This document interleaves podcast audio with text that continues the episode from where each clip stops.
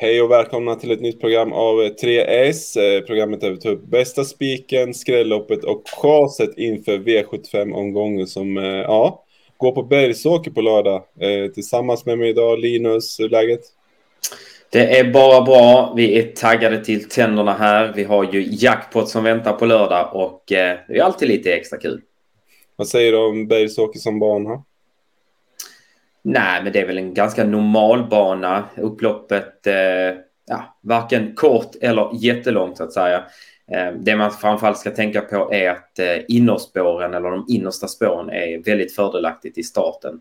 Så att eh, spår 1 och 2 extra plus på Bergsåker. Det tar vi med oss och nu är det dags för spiken. Eh, spiken igår, Jaskal vann eh, planen från ledningen så får vi se om vi har en eh, lika trygg vinnare idag.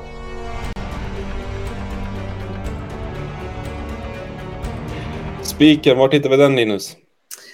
Ja, det är väl inte den roligaste vi har eh, bjudit på, men eh, det här är ju en väldigt trolig vinnare. Vi går till gulddivisionen, V75 3, favoriten där, fem great skills. Eh, hon har ju imponerat något enormt här vid segrarna på sistone.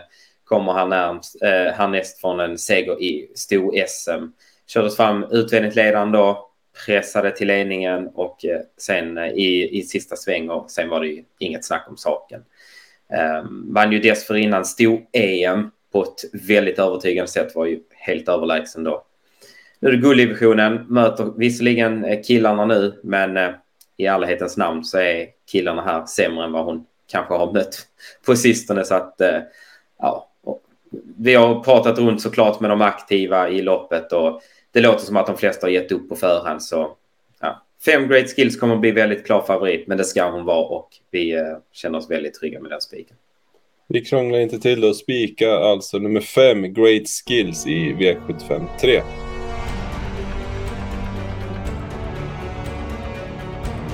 Spiken avklarad. Vart ska vi hitta skrällarna då? Det behöver vi ju när vi har en sån här spik. Ja men visst, eh, vi går till eh, en kär vän till oss när det gäller skrälloppet. V75 4, det är diamantstoet. Eh, vi har en klar favorit och är säkert en motiverad sådan också i 9, Olli Håleryd. Vi, vi håller med spelaren om att hon sticker ut här med högst segerchans. Men i en sån här omgång, vi har varit inne på det innan, Great Skills kommer ju, eller har väldigt bra chans att vinna och blir väldigt klar favorit. Då måste vi försöka fälla en stor favorit. Och då eh, testar vi att eh, gå mot eh, 9 Olle Håleryd i V754. Är det någon speciell häst vi har extra span på om man säger så? Ja, men det, I och med att hon blir så pass klar favorit, hon är ju över 50 procent när vi spelar in detta på torsdag eftermiddag. Eh, så finns det ju många roliga bakom. Den naturliga tvåan är ju Sayonara, men hon är 15 procent och behöver vi inte varna för. Så att, eh, vi lyfter fram två andra hästar. Ni ska få 13 Global Deadline som eh, vunnit många lopp, vunnit hela 20 i karriären. Dock är majoriteten tagna i Estland ska sägas. Hon har gjort tre starter här nu sedan hon kom till Sverige. Vunnit eh, i de två första, gett ett bra intryck. Senast var hon tvåa. Stod då också för en väldigt bra, eh, bra prestationer. Är på gång helt enkelt och under utveckling. Eh, Ivanov eh, låter nöjd inför lördagens start och ja, skulle Olli Håleryd komma bort eller ha en sämre dag ska man räkna med henne. Och sen har vi också stallkamraten till Olli Håleryd, sex Olea Håleryd. Som vi vet att Ove Lindqvist höll, eh, ja, jag, jag kanske inte håller med just nu, men han höll i alla fall henne högre än Olli Håleryd för ett tag sedan. Och det är intressant. Eh, sen har ju utvecklingen tagit olika på hästarna, ska ju sägas, men eh, Ja, vi minns den där orden eh, Ove sa om Olea och eh, Ja, vi får ju 2-3 procent på henne här från ett passande springspår med Magnus A. Djuse i sulkin. Det, det måste vi stormvarna för. Spännande. Skrälloppet hittar vi alltså i V754 där vi varnar lite extra för nummer 6, Olea Håleryd och nummer 13, Global Deadline till väldigt låg procent.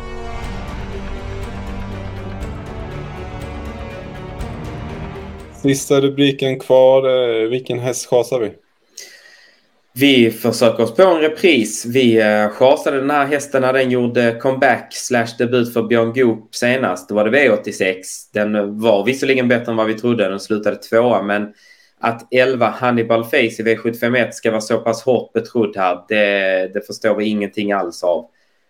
Um, gjorde som sagt bättre än förväntan i comebacken här. Uh, samtidigt struken efter det på grund av veterinärbehandling känns ju inte helt optimalt. Eh, bakspår nu, spår 11, sämsta utgångsläget då och kort distans som han faktiskt aldrig har vunnit över. Ja, det här känns mycket märkligt att han skulle vara så pass hårt betrodd. Han är faktiskt näst favorit när vi spelar in detta och, och det köper vi inte alls.